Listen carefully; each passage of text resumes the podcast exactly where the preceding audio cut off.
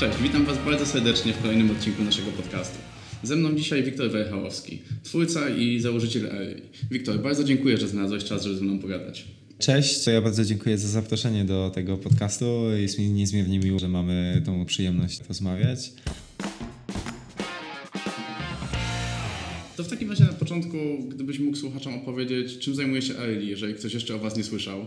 I czym ty zajmujesz się na co dzień? Myślę, że e, o Early jednak dalej wiele osób nie słyszało, bo ja też często spotykam się z, z różnymi ludźmi podczas konferencji i, i, dopiero mówię im, opowiadam, jak e, wygląda nasza aplikacja, jak ona działa, jak ona funkcjonuje. Myślę, że w środowisku technologicznym, e, startupowym jesteśmy bardziej rozpoznawalni. Mm, jako Early tworzymy system monitoringu jakości powietrza, w którego skład wchodzą czujniki jakości powietrza, czyli urządzenia, które fizycznie produkują produkujemy. E, te urządzenia mierzą podstawowe parametry dotyczące jakości powietrza, e, następnie wysyłają te dane na naszą platformę, gdzie każdy może sprawdzić, jaka ta jakość powietrza jest. Oprócz tego dostarczamy aplikacje mobilne, prognozę jakości powietrza w oparciu o, o sztuczną inteligencję mm, i jakby szereg dodatkowych elementów związanych z tą jakością powietrza i z monitoringiem. E, ja czym się zajmuję? Gdzieś chyba na LinkedInie nawet mam kawałek, że zajmuję się tak naprawdę wszystkim i zatrudnianiem osób, które zrobią to wszystko lepiej ode mnie. I myślę, że taka jest rola współzałożyciela i prezesa zarządu, czyli funkcji, jaką pełnię, żeby mm, tak naprawdę z każdym z obszarów mieć pewność, że osoby, które są na danych stanowiskach są najlepsze, e, pracują nad odpowiednimi rzeczami e, i wykorzystywać to ich doświadczenie i, i wiedzę w osiąganiu celów, które wcześniej z resztą zarządu gdzieś tam zaplanujemy, e, założymy. To skąd w ogóle pomysł na taki biznes? Bo w Krakowie mamy problem ze smogiem, o czym wszyscy wiemy, ale jak wpadliście na to, żeby zrobić takie czujniki, rozłożyć je tak gęsto jak są, przynajmniej tutaj, mhm. i to wszystko rzeczywiście tak efektywnie mierzyć? Założenie było bardzo proste, to znaczy my jako inżynierowie, jako absolwenci, wtedy jeszcze studenci Akademii Górniczo-Hutniczej, doszliśmy do wniosku, że system monitoringu jakości powietrza, on nie do końca spełnia y, funkcji, jakich oczekują mieszkańcy. Wyobraźmy sobie młodą matkę, młodego ojca, którzy są aktywni fizycznie, którzy mają małe dzieci, którzy dbają o to, czym jedzą, natomiast żaden z nas nie pije brudnej wody, więc dlaczego by oddychać brudnym powietrzem? I oni bardzo potrzebują tej informacji na temat jakości powietrza, to, to pytaliśmy naszych znajomych, e, nasze rodziny i każdy mówił, że nie do końca wie, jaka ta jakość powietrza jest, czy mają przekonanie, że jakość powietrza jest zła, ale nie wiedzą tak naprawdę jak i tych narzędzi nie ma. No i system, który funkcjonuje w Krakowie, on jest ogólnie nie tylko w Krakowie, natomiast natomiast na terenie całego kraju i w całej Europie, czyli takich stacji państwowych, bardzo mm, precyzyjnych, ale, ale bardzo równocześnie bardzo drogich, on ma pewne wady, to znaczy on dostarcza informacje na temat jakości powietrza danego obszaru, to jest e, jakby pomiar punktowy, a oprócz tego te dane często spływają e, nie w czasie rzeczywistym, to znaczy mamy informacje na temat jakości powietrza dopiero po godzinie, dwóch. Natomiast nasze podejście było zupełnie inne, żeby rozlokować e, czujniki jakości powietrza w terenie całego całego miasta, żeby stworzyć gęstą sieć i dostarczać informacje mm, o tej czystości powietrza ludziom z dokładnością do kilkudziesięciu metrów w czasie rzeczywistym, bo wróciliśmy z założenia i ono myślę, że zostało też potwierdzone przez rynek, przez naszych użytkowników, że ważne jest to, co jest tu i teraz, a nie to, co było dwie godziny temu, parę kilometrów od miejsca, w którym jesteśmy, w którym um, są nasze dzieci, w których uprawiamy sport i tak dalej, i tak dalej. No ja sam pamiętam, mieszkając w Krakowie od zawsze, że jak sprawdzałem poziom smogu, to tych stacji było kiedyś dosłownie kilka i niestety żadna nie pasowała mi w miejscu, w którym aktualnie mieszkałem. Nigdy nie mogłem sprawdzić, jaki ten smog jest w mojej okolicy. Tak, to jest bardzo ciekawe, ciekawą rzecz, którą zaobserwowaliśmy. E, często na, na mapach związanych z prognozą jakości powietrza na terenie województwa małopolskiego.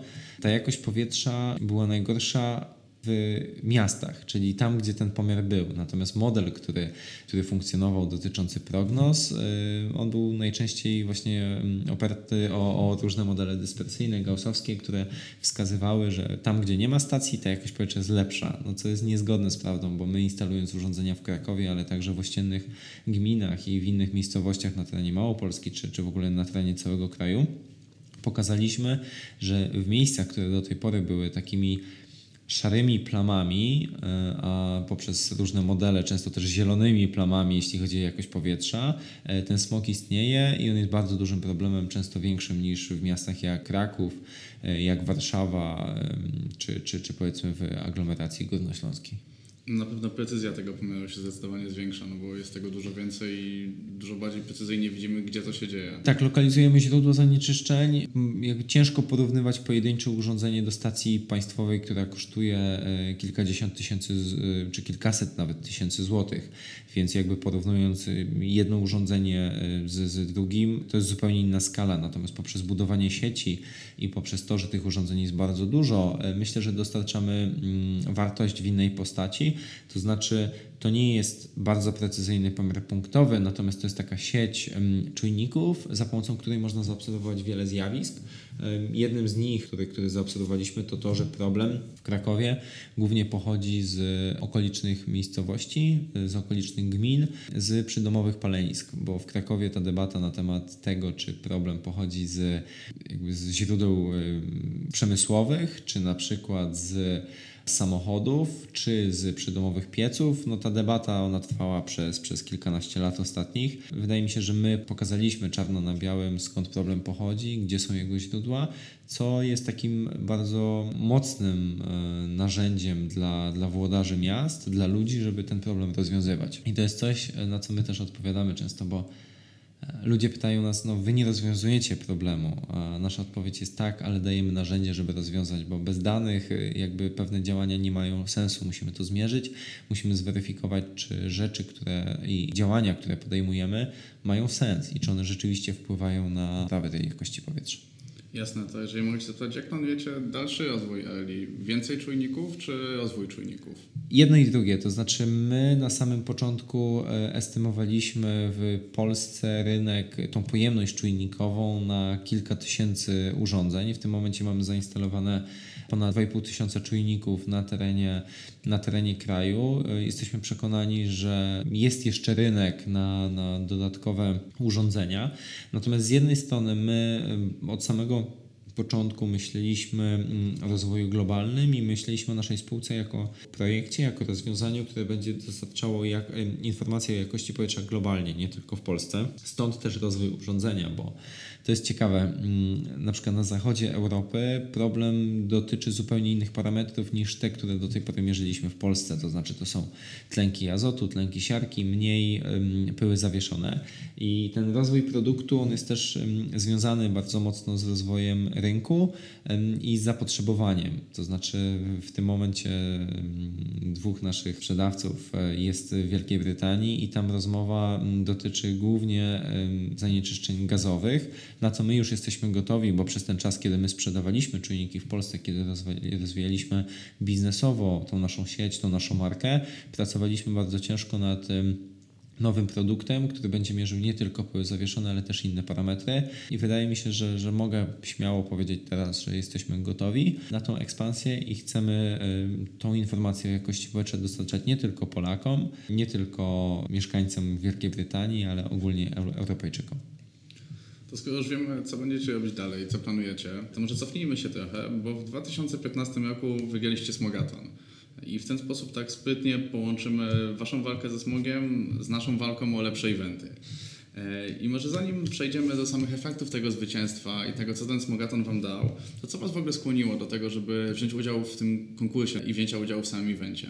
Znaczy ja pamiętam doskonale, to był jesienny, jesienny wieczór w 2015 roku, e, o ile, o ile mnie pamięć nie myli. I jakby my pracowaliśmy nad naszym produktem e, wspólnie z, z Michałem i, i Zolkiem, e, z, z resztą, z dwójką z, z czterech, z trzech moich wspólników. I zauważyliśmy na Facebooku jakieś wydarzenie, które utworzył wtedy Maciek Ryś, jakby lider tego, tego projektu Smogatonu.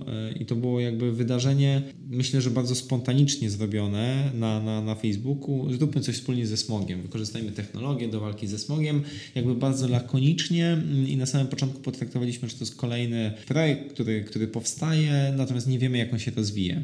Obserwowaliśmy to i na początku nie, nie byliśmy do końca przekonani, natomiast Maciek z resztą zespołu pozyskał ciekawych partnerów e, do tego wydarzenia. E, Jakby coraz więcej osób się zgłaszało. E, To wydarzenie na początku urosło i pomyśleliśmy, że chętnie się zgłosimy z naszym, z naszym projektem. I to też jest ciekawe, bo my tam się roz, rozdzieliliśmy na, na w ogóle dwa zespoły. Część z nas pracowała nad samym czujnikiem jako nad hardwarem, część nad takim systemem akwizycji danych i nad platformą e, software'ową i to jest bardzo, bardzo interesujące, że w tym projekcie e, jakby brało udział więcej osób i ja to staram się zawsze, zawsze powtarzać, bo, e, bo gdzieś tam medialnie idzie informacja o tym, że, że to my wygraliśmy, mm, że nasza czwórka wygrała, natomiast to też nie jest, nie jest prawda. Tam było więcej osób to zaangażowanych, myślę, że łącznie około 10 w te, te dwa projekty i rzeczywiście jeden z tych zespołów wygrał, wygrał Smogaton. Ten pomysł, jakby to było takie potwierdzenie, że ten pomysł może mieć sens i, i może zadziałać. Wtedy też poznaliśmy podczas tego, tego wydarzenia e, Wojtka Burkota, który później zainwestował w, w naszą, naszą spółkę jako anioł biznesu i myślę, że to jest największa wartość, którą wynieśliśmy, to znaczy te, te kontakty, ten network. Natomiast y, spośród tych dwóch zespołów, które wygrały, tak naprawdę w jakiś sposób wykrystalizowało się Early, ponieważ e, tam zaangażowane było, było mm, kilka osób. E, Natomiast chyba my, czyli nasza czwórka założycieli Early, mieliśmy taki największy power do tego. Pewnie wynikało z tego, że mieliśmy mało obowiązków jakichś takich zawodowych.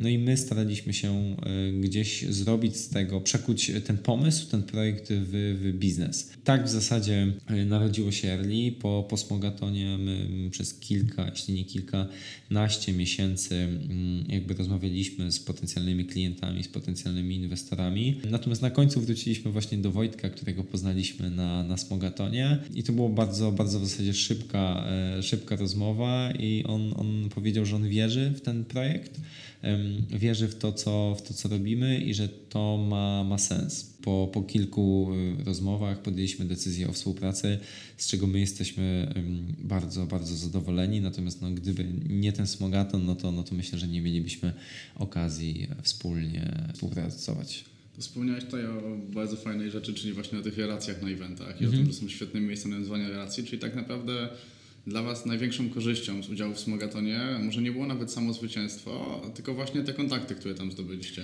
Myślę, że tak. I, i znaczy, tak jak Steve Jobs y, kończąc Stanford, o ile pamiętam, mówił, y, że, że można połączyć tylko kropki patrząc wstecz. I, I myślę, że to tak jest właśnie z tymi eventami i z osobami, które się poznaje. To znaczy, my jako Early, odnosząc się jeszcze do tych wydarzeń, do eventów, myślę, że, że to warto jest, żeby nadmienić. Od samego początku naszej działalności wydaliśmy naprawdę nieduże pieniądze na marketing. I to jest coś, co jest zaskoczeniem dla osób, bo, bo wiele osób pyta, jak wy zrobiliście, rozwinęliście w ten sposób spółkę, nie inwestując dużo w marketing. I ja zawsze, zawsze powtarzałem prostą rzecz, to znaczy to były przemyślane działania marketingowe. Natomiast te rzeczy, gdzie my inwestowaliśmy swój czas i pieniądze, to były konferencje, to były wydarzenia. I relacje, które tam budowaliśmy i, i ludzi, których tam poznawaliśmy, e, to procentowało. I myślę, że, że znaczną część naszych klientów poznaliśmy właśnie na konferencjach, na które jeździliśmy i zgadzam się w 100%, że, że budowanie relacji to jest taki długotrwały klucz chyba do, do sukcesu. I, biorąc pod uwagę zarówno Smogaton, jak i, jak i późniejsze konferencje, już bardziej biznesowe, bardziej sprzedażowe, w których braliśmy udział, to nie są rzeczy, które zadzieją się na następny dzień, że, że klient po konferencji przyjdzie i powie: Widziałem, spotkaliśmy się wczoraj, chcę to kupić. Natomiast on będzie pamiętał, on będzie pamiętał rozmowę, będzie pamiętał uścisk dłoni, i może wróci za kilka miesięcy i powie: Widzieliśmy się tutaj i tutaj. Fajnie się naprawdę nam rozmawiało, y, podoba mi się Wasz produkt, chcę go. I myślę, że to dotyczy każdej płaszczyzny, zarówno sprzedażowej, jak i inwestycyjnej, jak i, jak i szukania partnerów do współpracy, czy też pracowników. Poznając ludzi na takich, takich wydarzeniach, takich eventach, budujemy to, co jest chyba naj, najważniejsze, e, czyli, czyli właśnie te, te relacje i kontakty, które procentują w przyszłości. No tak naprawdę opowiadasz, opowiedziałeś teraz o czymś, co my w 100% wierzymy i co staramy się mówić od dawien dawna i w żadnym stopniu nie jest to ustawka, nie miałeś tego powiedzieć, wyszło to od Ciebie, także bardzo mi miło, że potwierdzasz z zewnątrz nasze odczucia. Ale przy okazji też uprzedziłeś moje kolejne pytanie, bo miałem Cię zapytać o konferencje, w których bierzecie udział teraz, bo czytałem wywiad z Tobą, którego udzieliłeś w 2018 roku, e, gdzie też właśnie o tych eventach wspominałeś. nie ma sensu tak robić, bo powiedziałeś, że bierzecie udział w wielu konferencjach, że robicie to cały czas, ale za to zapytam, jakie to konferencje? W Polsce głównie e, skupialiśmy się na konferencjach, na których wiedzieliśmy, że możemy spotkać naszych klientów. Konferencje, bo jakby działamy w takim modelu, że dostarczamy to nasze rozwiązanie dla mm, społecznie odpowiedzialnego biznesu, a z drugiej strony dla dla samorządów i myślę, że celowaliśmy w te dwa wydarzenia i często to są niewielkie wydarzenia, na, których, na które przyjeżdża kilkunastu, kilkudziesięciu włodarzy miast i gmin, natomiast na takich mm, wydarzeniach jakby fajnie budować, budować te relacje. E, Jeśli chodzi o rynki zagraniczne, tutaj przez ostatnie kilka miesięcy i przez najbliższe parę, parę miesięcy byliśmy i, i, i będziemy na największych konferencjach technologicznych w Europie. Każda jest inna. y, Niektóre z nich y, naprawdę y, procentują, niektóre z nich nie. Jakby no to też należy poznać, należy zobaczyć, należy, należy raz pojechać na taką konferencję, aby później ocenić, czy, czy za rok, często to są właśnie konferencje, które raz w roku się, się odbywają, czy, czy, czy to ma sens, czy, czy na pewno trafimy tam na potencjalnych partnerów, na, na osoby, które, które chcemy spotkać. Tutaj nie ma, e, myślę, że jakiejś prostej reguły, które, któ- na które konferencje warto jeździć, które warto wybierać. Wydaje mi się, że trzeba to po prostu sprawdzić i zweryfikować, czy to, co jest na, na stronie internetowej, czy osoby, które, które są tam przedstawione, które, które gdzieś świadczą, czy rzeczywiście to, to, jest, to jest prawda. Często wokół nich jest, jest dużo marketingu, a, a często konferencje, które, które wydają się, że nie do końca przełożą się na biznes, są niesamowite, więc jakby tutaj nie ma prostej, prostej reguły. Reguły, Ale jednak finalnie warto, bo te eventy pozwalają ten biznes zwiększać. Mhm, zdecydowanie, zdecydowanie tak I, i, i myślę, że, że to zarówno pod kątem jakby pozyskiwania klientów, ale, ale również mm, rozmów z chociażby z inwestorami. E, Ja ostatnio miałem przyjemność być e, na wydarzeniu Global Entrepreneurship Summit w Hadze w Holandii. Wydarzenie organizowane przez, przez Stany Zjednoczone oraz przez, przez rząd e, Holandii. I to było niesamowite. 2000 osób, inwestorów, y, potencjalnych partnerów, ale też firm całego świata, jakby też ściśle wyselekcjonowanych przez, przez ambasady Stanów Zjednoczonych na całym świecie. To wydarzenie było niesamowite, to znaczy osoby, które tam miałem przyjemność spotkać, z którymi miałem y, możliwość porozmawiać. Jakby do tej pory ja dalej nie odkopałem się z tych maili, pomimo że to, to wydarzenie było parę tygodni temu, bo te relacje zbudowaliśmy i, i te osoby czują, że, że możemy wspólnie coś fajnego zrobić i, i to jest niesamowite. I pewnie ciężko byłoby do nich dotrzeć jakąś inną metodą, inną Tak, znaczy ja uważam, że drugą taką, taką ścieżką jest, jest LinkedIn, który jest narzędziem, em, które, które pozwala dotrzeć do, do osób, e, do których chcemy. Natomiast pytanie, jak długo? Ja myślę, że, że konferencje one działały 10 lat temu, działają teraz i, i mogą działać przez, przez najbliższe e, dziesiątki lat. LinkedIn jest teraz narzędziem, które biznesowo ma niesamowitą wartość moim zdaniem dla, mm, dla rozwoju biznesu. No pytanie jak długo, bo to jednak narzędzia mają tą, tą wadę. Zresztą już teraz widać, że ludzie e, mniej chętnie odpowiadają na pewne wiadomości, no bo jeśli e, jest to osoba e, decyzyjna w jakiejś spółce, z którą wiele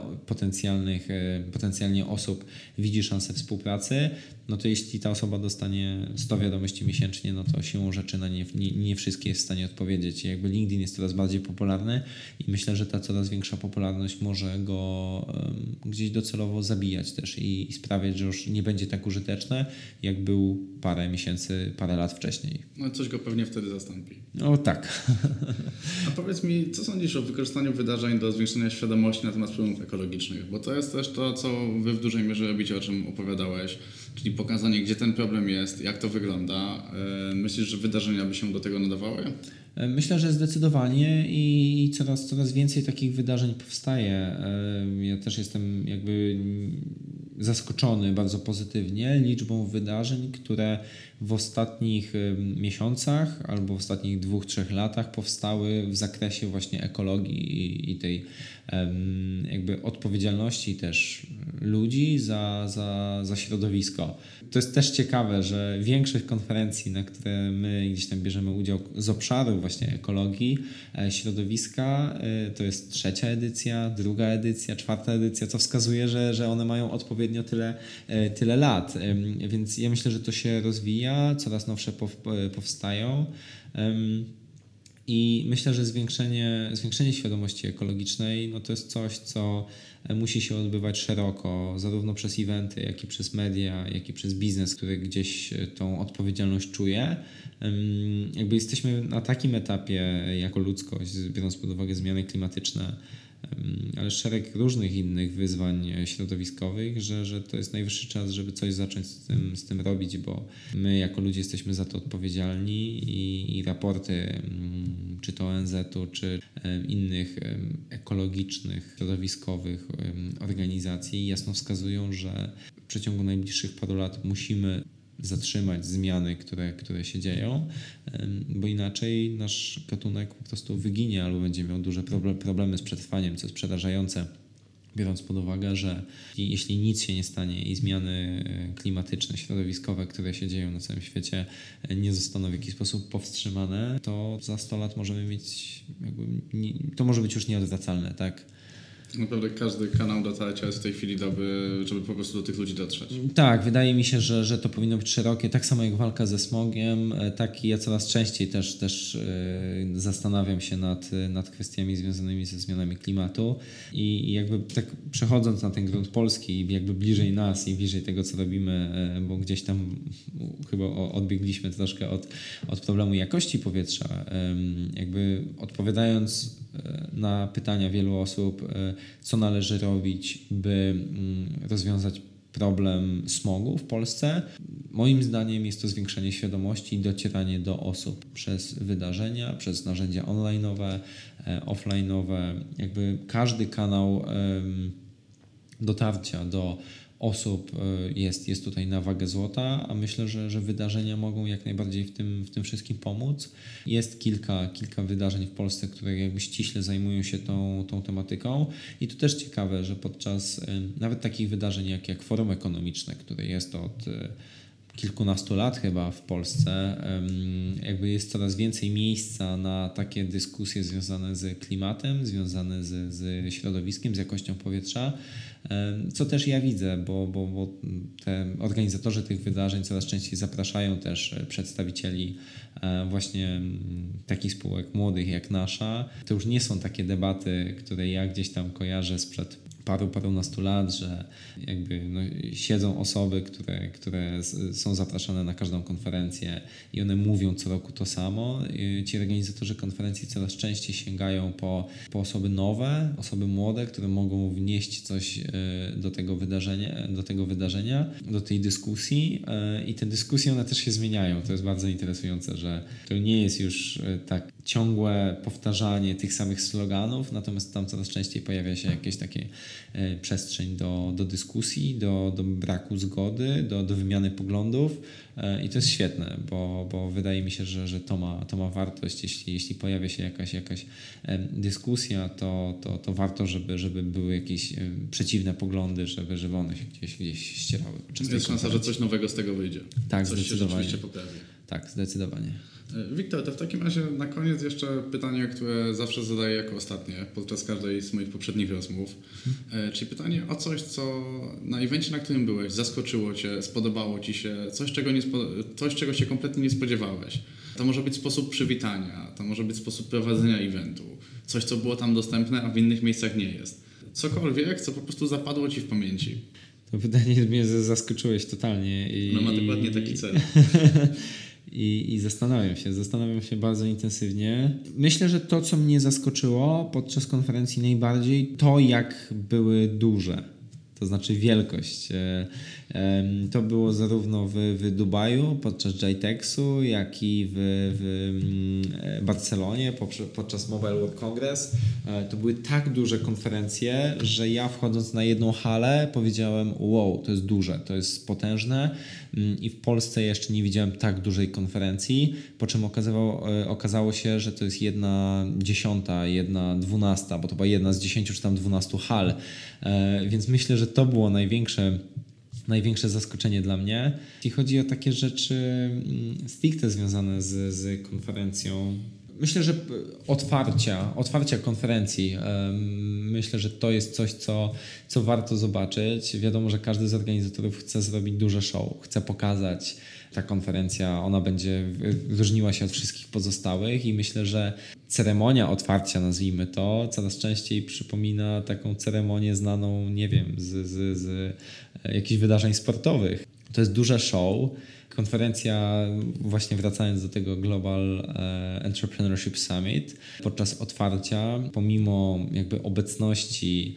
e, sekretarza stanu e, Stanów Zjednoczonych, premiera Holandii czy, czy, czy majora, pani major Hagi, oni zrobili takie show, stawili robota, który, który grał na perkusji, tak?